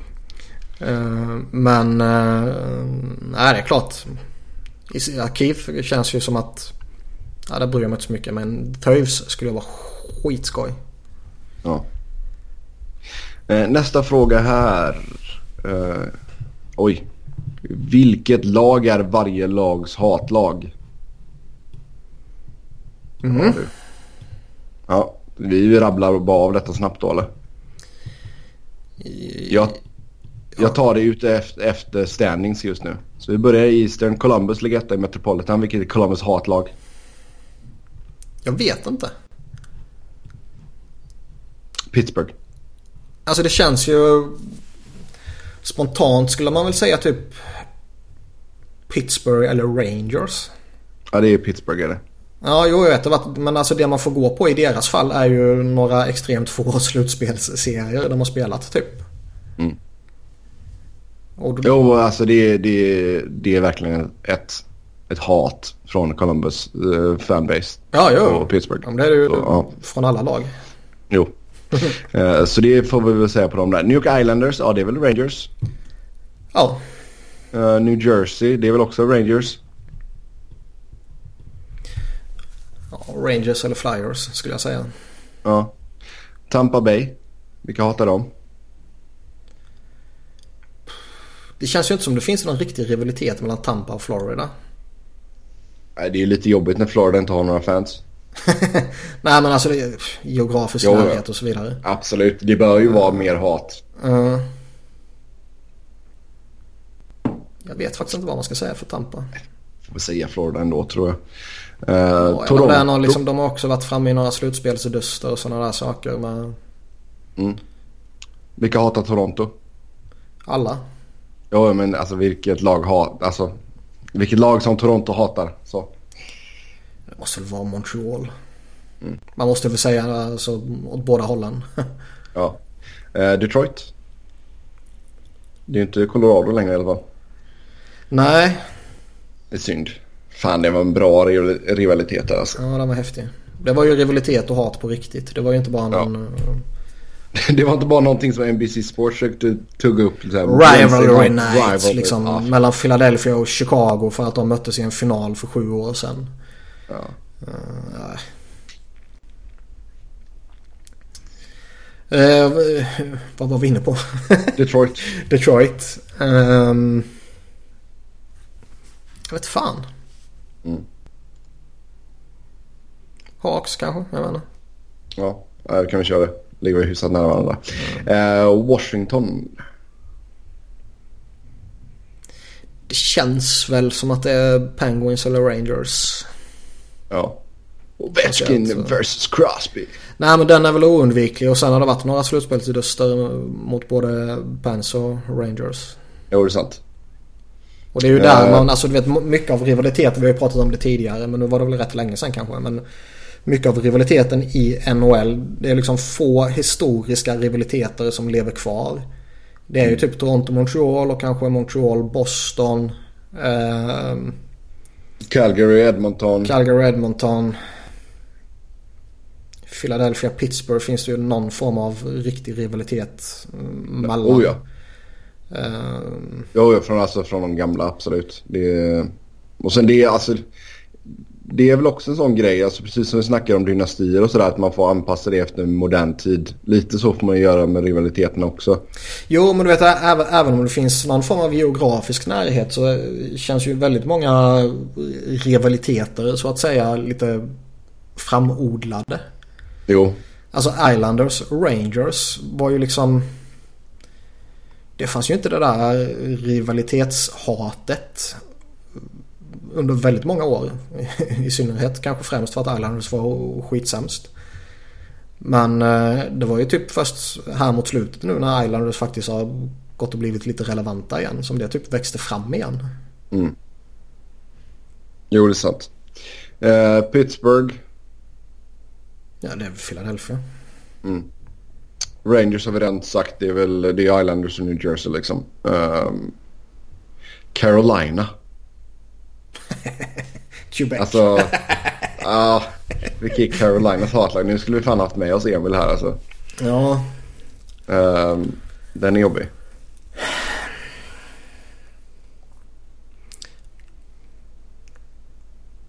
Den är riktigt svår faktiskt. Ska vi göra en liten Google search på den här kanske? Jag tror inte man får fram någonting. Fan skulle det kunna vara? De har ju knappt spelat några slutspel så det finns ju liksom knappt någon... Ja, jag ska titta här. Det lag de har fightats mot mest eh, Florida och Washington. ja, Carolina, Carolina Florida, Florida känns som en helvetes jävla rivalitet alltså. Ja, vi kör på den. Ja, de, den. de, de blåser vi på med. Ja, Boston, där sa vi Montreal och Montreal, där sa vi Boston. Uh, Philadelphia, där sa vi Pittsburgh. Ottawa. Det är väl... Det blir väl också Toronto typ liksom. Ja, det känns väl lite så. Florida, där sa vi Tampa, även fast det egentligen då är Carolina. Carolina. Uh, Buffalo. Buffalo. Det borde väl vara Toronto egentligen. Ja, kanske. Eller om de är... Det känns som att de, de, liksom, de bor ju i Torontos skugga. Ja, jo det är lite sant i Dels ja, ge, geografiskt och, och liksom... Eh, sen har det väl inte varit så värst många sådana heta slutspelsduster och sånt där då men... Eh, Nej, för det känns ju inte som att de har riktigt det där hatet mot de alltså Islanders och Rangers men så i samma delstat liksom. Nej. Det var ju, det var ju på väg att kunna bli någonting mot Philadelphia för rätt många år sedan där. Men det rann ju också ut i sanden. Mm. Uh, jag skulle nog säga Toronto i någon form av bredare perspektiv. Sådär. Ja, det kör vi. Då hoppar vi över till Western Conference. Uh, toppen och Central har vi först ut där då. Uh, St. Louis. I Chicago. Mm, det är det väl. Winnipeg. Arizona. ja. Nej, jag vet fan. Um, de ligger ju mitt i ingenting. Så geografiskt är det ju svårt att hitta något väl? Ja, ska vi säga... Vancouver typ. Ja, du vet, de har ju inte spelat några jävla slutspel som de flyttade dit så. Nej. Jag vet inte. Ja, den är lite jobbig. Ja, uh, deras största rival är nog eh, de själva. Ja. Ah, det känns som att det är typ Canucks. Ja, jag, har, vilka... jag har faktiskt ingen jävla aning. Nu vill se vilka de har fightats mest mot. Canucks. Ja. Och sen är det Flames. Och sen är det Oilers. Så de hatar på alla andra eh, kanadensiska lag helt enkelt. uh, Nashville.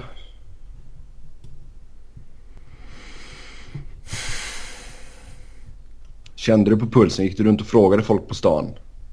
Nej, jag gjorde aldrig det. Excuse me, I'm here from Sweden. Who do you hate? Ja, nej. Oh, vad fan skulle det kunna vara?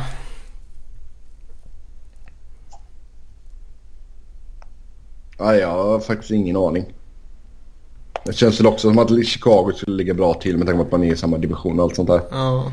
De hatar säkert Philadelphia eller framförallt Paul Holmgren. mm. Dels stal han lite spelare från dem och dels... Eh, kan han ju mycket väl fucka upp dem om några år med Weber-kontraktet. Ja. Men nej, Chicago känns det nog som. ja. Eh, sen har vi toppen av Pacific. Där, alltså, alltså, Vegas ligger toppa i Pacific. Det är ju ett skämt också. Ehm, ja, Vegas. Det, alltså, det har inte hunnit bli någonting. Så det är väl... Det var det helt enkelt. Kanske Finns det någon potential dock? Det är väl typ LA i Ja, så fall. LA eller Arizona tror jag. Ja.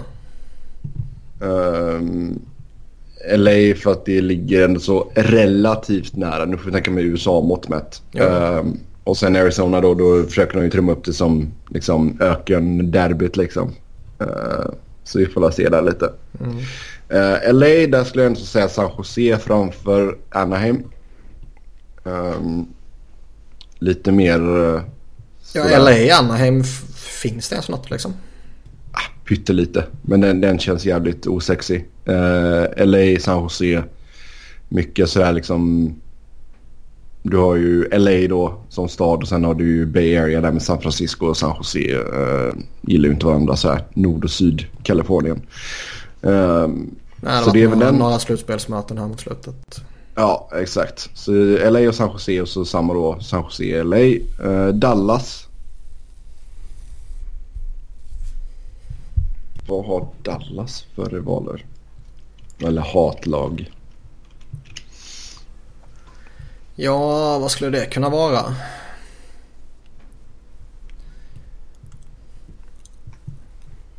De har ju inte heller något sånt där i den omedelbara närheten. Nej, alltså de har... Det är lite roligt. Jag drog en Google search här nu och då alltså... Då är det en artikel från augusti förra året. Deciding on a rival for the Dallas Stars. Från Defending Big D. Uh, ska vi se vad de kommer fram uh, till här. Uh, de snackar om Blues, de snackar om Blackhawks. De snackar om Minnesota, Arizona, Colorado. Ja, pratar man om så många så finns det ju ingen. Nej. Nej, de snackar om väldigt många lag här. Så nej, det finns ingen. Tyvärr. Sorry Dallas. Mm.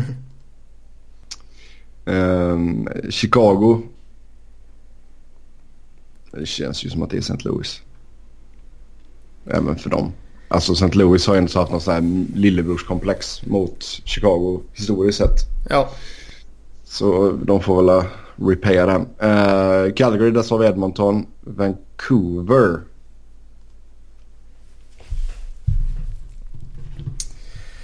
Eh,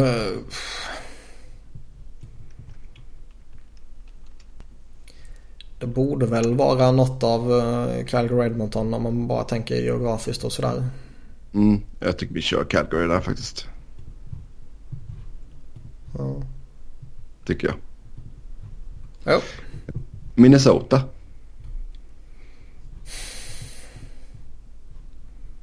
Ser man inte heller någonting framför sig sådär bara. Nej, jag får nog ta och eh, slänga in en search på den också. Hmm. Ja, de har också någon sån här... Det kommer upp här artiklar så här. Who does the Minnesota Wilds fans hate the most? Eh, Nej, och måste man liksom fundera över vilka det är då finns det ju inget. nej. Ehm. Dallas kanske eftersom de stal deras lag. Mm. Ja, den kan vi köpa. vi köper den. Eh, Colorado.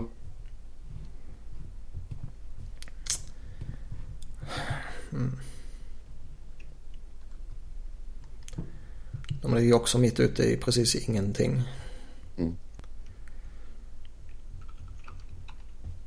Alltså historiskt då så är det ju Detroit men...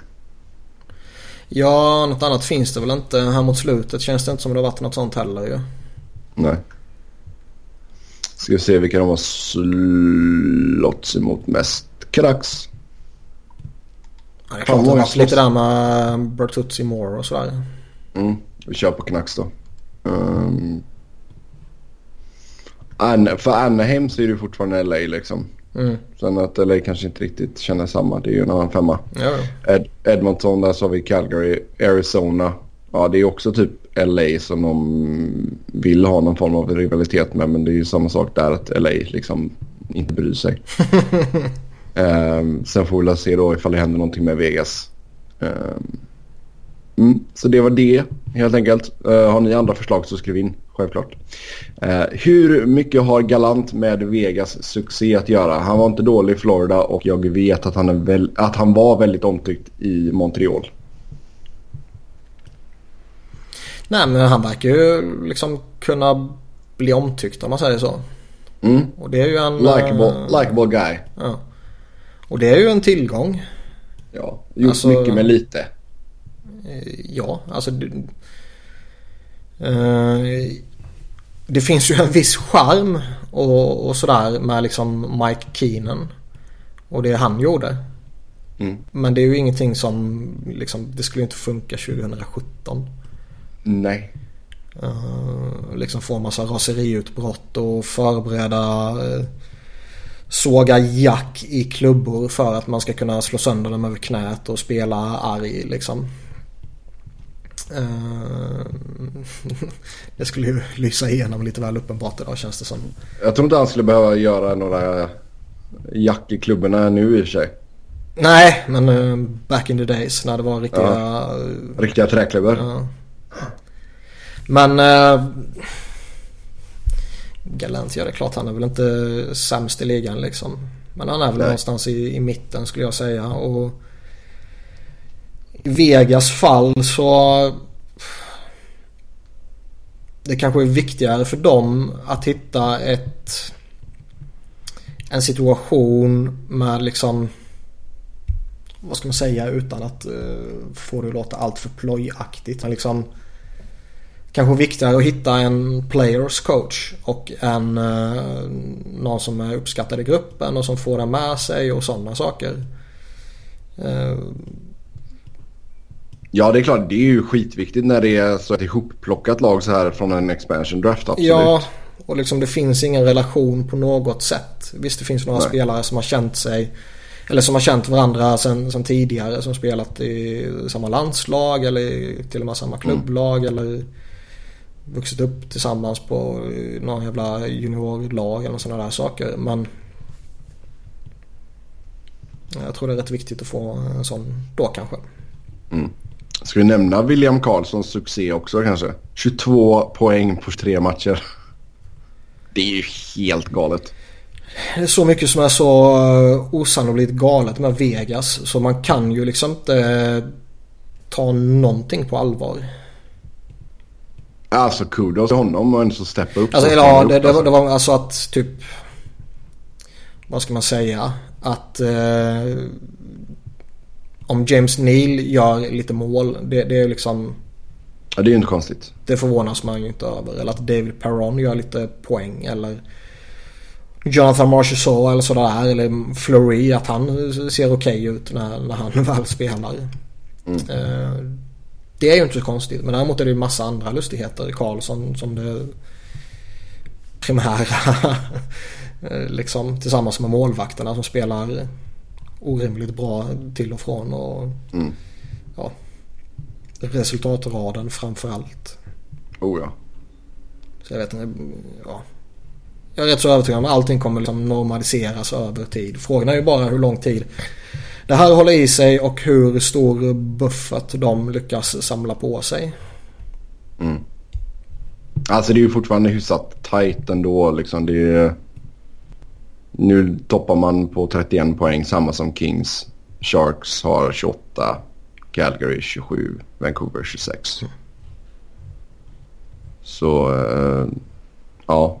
Nej det är ju bara, så, det är ju bara för dem att samla på sig så mycket poäng de bara kan. Det kommer komma en dipp. Jo, ja. Men absolut imponerande sättet de har startat på. Det får vi ändå ge dem. Eh, Det enda jobbiga är ju att det, det ges ju inte tillräckligt med skit till McPhee.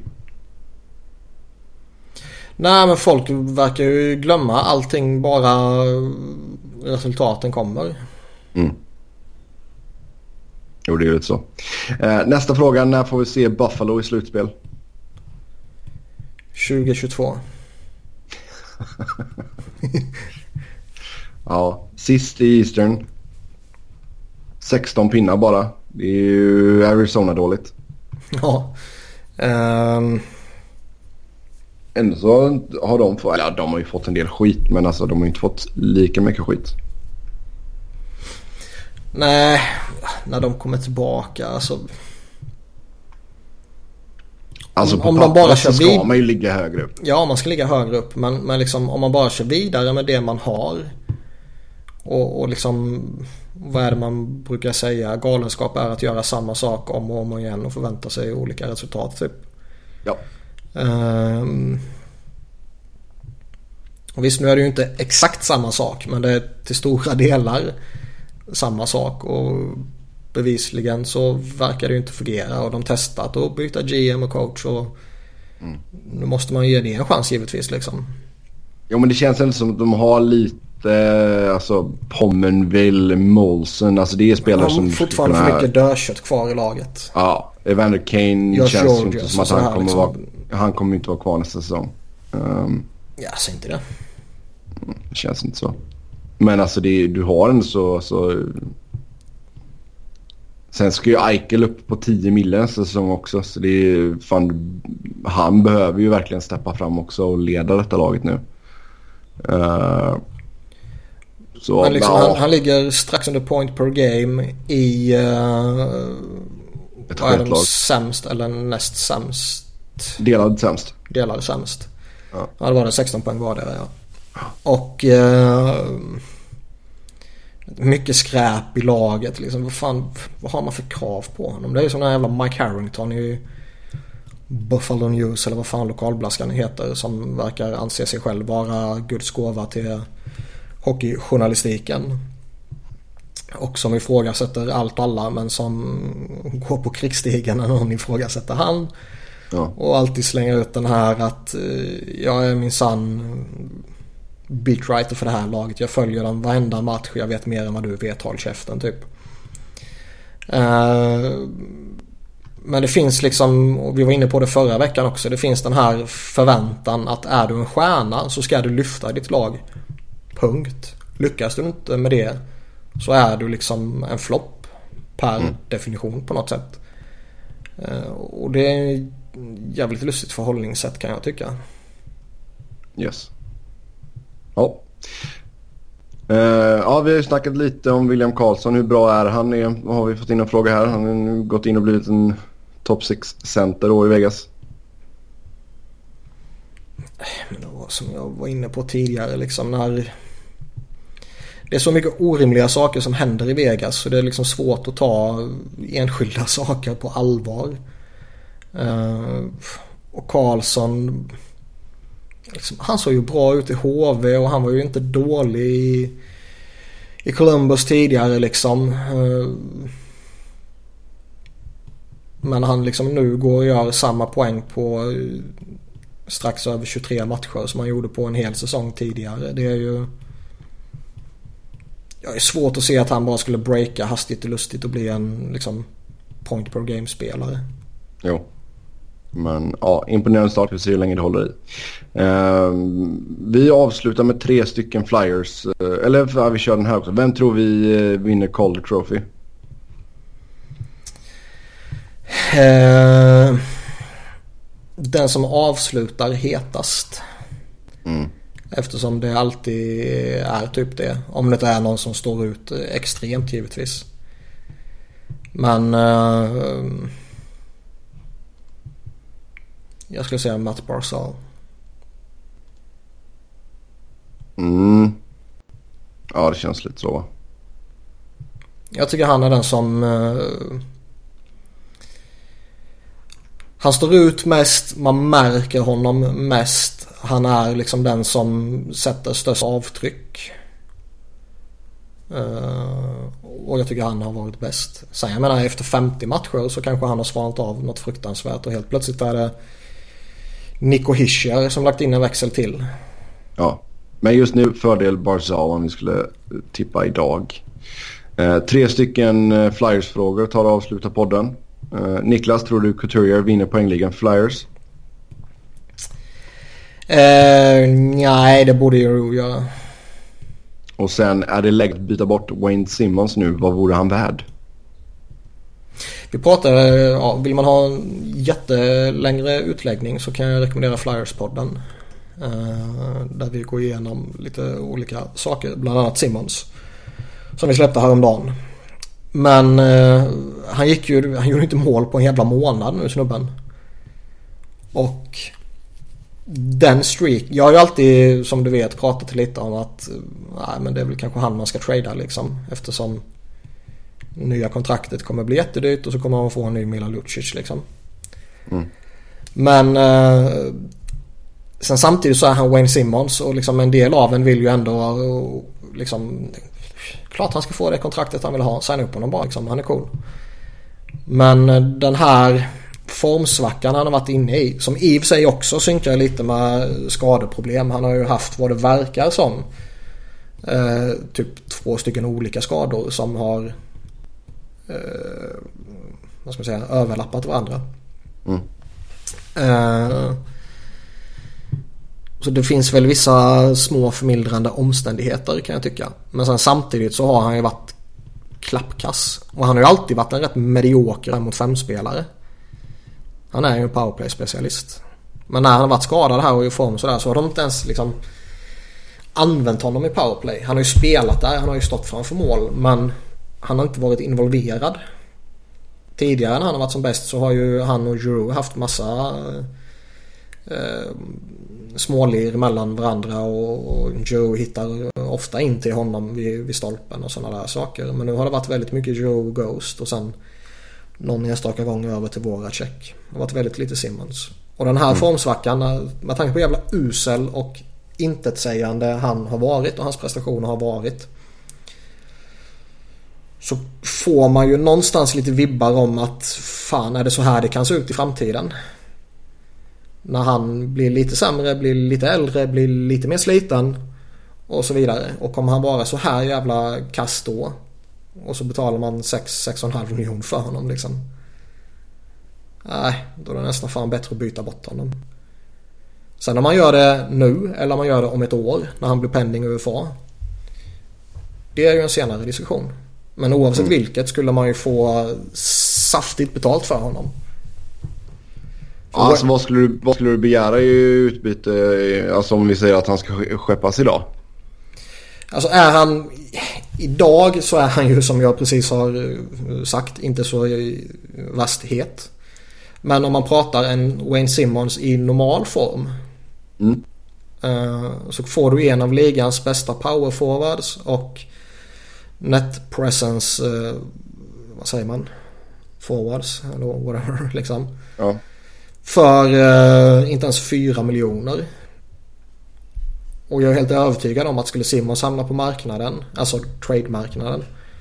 Så skulle ju varenda slutspelslag och ytterligare några lag vara intresserade i någon form.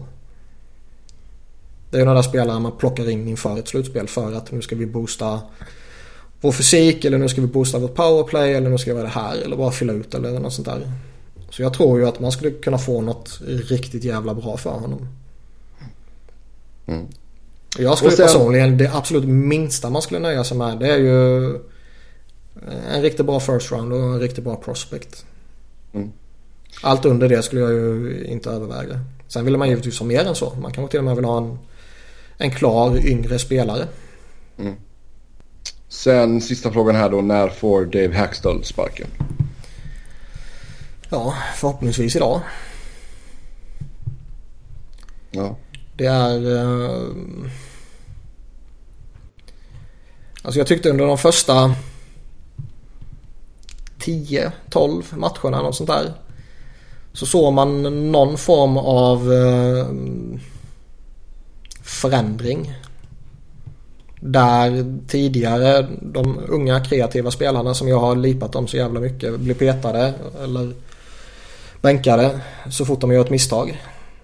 Men här fick de göra, spela sitt spel. De fick göra sina misstag. De fick ändå fortsätta spela. De fick nytt förtroende och hela det här köret. Och Han börjar till och med peta de här värdelösa veteranerna. Som han har lutat sig mot tidigare. Ja. Och liksom i ja, oavgjort tredje perioden då gick vi för det. Ledning tredje perioden då backade man inte hem och försökte försvara med någon form av igelkottsförsvar. Utan det var ju... Man fortsätter trycka fram spelet liksom. Mm. Men sen hamnar man lite formsvacka och, och vann någon, förlorade några fler matcher, vann någon enstaka, förlorade några till och sen bara rasar man och har man torskat nio raka liksom. Under den här perioden har han ju gått tillbaka till det, det gamla vanliga liksom. Uh, lutar sig mot värdelösa veteraner som inte gör någon nytta överhuvudtaget. Eh, petar unga, skickliga, snabba spelare. Har liksom, kan inte göra någonting förutom att typ luta sig mot veteranerna. Och mm. nu efter senaste matchen här så hade man ju sån här stängt möte i truppen liksom. Och när det brukar bli sådana saker och när spelet inte funkar och resultaten uteblir och hela det här köret då liksom. Då tyder ju det mesta på att coachen borde ligga illa till. Mm. Och han är yes. så eh, kass. Usch. Ja, det kan jag absolut hålla med om. Men det, sjuka, det sjuka är liksom att mm. trots att Flyers har fått ett bättre målvaktsspel och haft en bättre skottdifferens under den här förlustsviten än sina motståndare så har man liksom ändå nio raka i torsk. Och det enda fanskapet står och säger är att ja men vi fick i alla fall poäng i några matcherna, det är ju bra. Och liksom all, allt han gör pekar ju bara på, mot att han han spelar för att undvika att förlora istället för att spela för att vinna.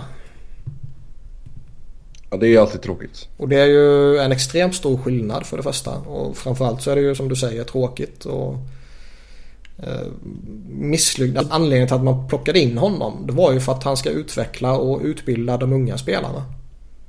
Men det gör han ju inte. Nej. Han hindrar ju dem. Mm. Ja, vi får se hur länge han blir kvar. Med det så säger vi tack och hej för den här gången. Som vanligt så kan ni köta hockey med oss via Twitter. Mig hittar ni på @sebnoren, Niklas på Niklas Wiberg, Niklas med C och enkel V. Vill ni skicka hat till Robin så är han på R underscore Fredriksson. Och det uppmuntras. Mm, ha det gött så länge så hörs vi nästa vecka. Hej hej.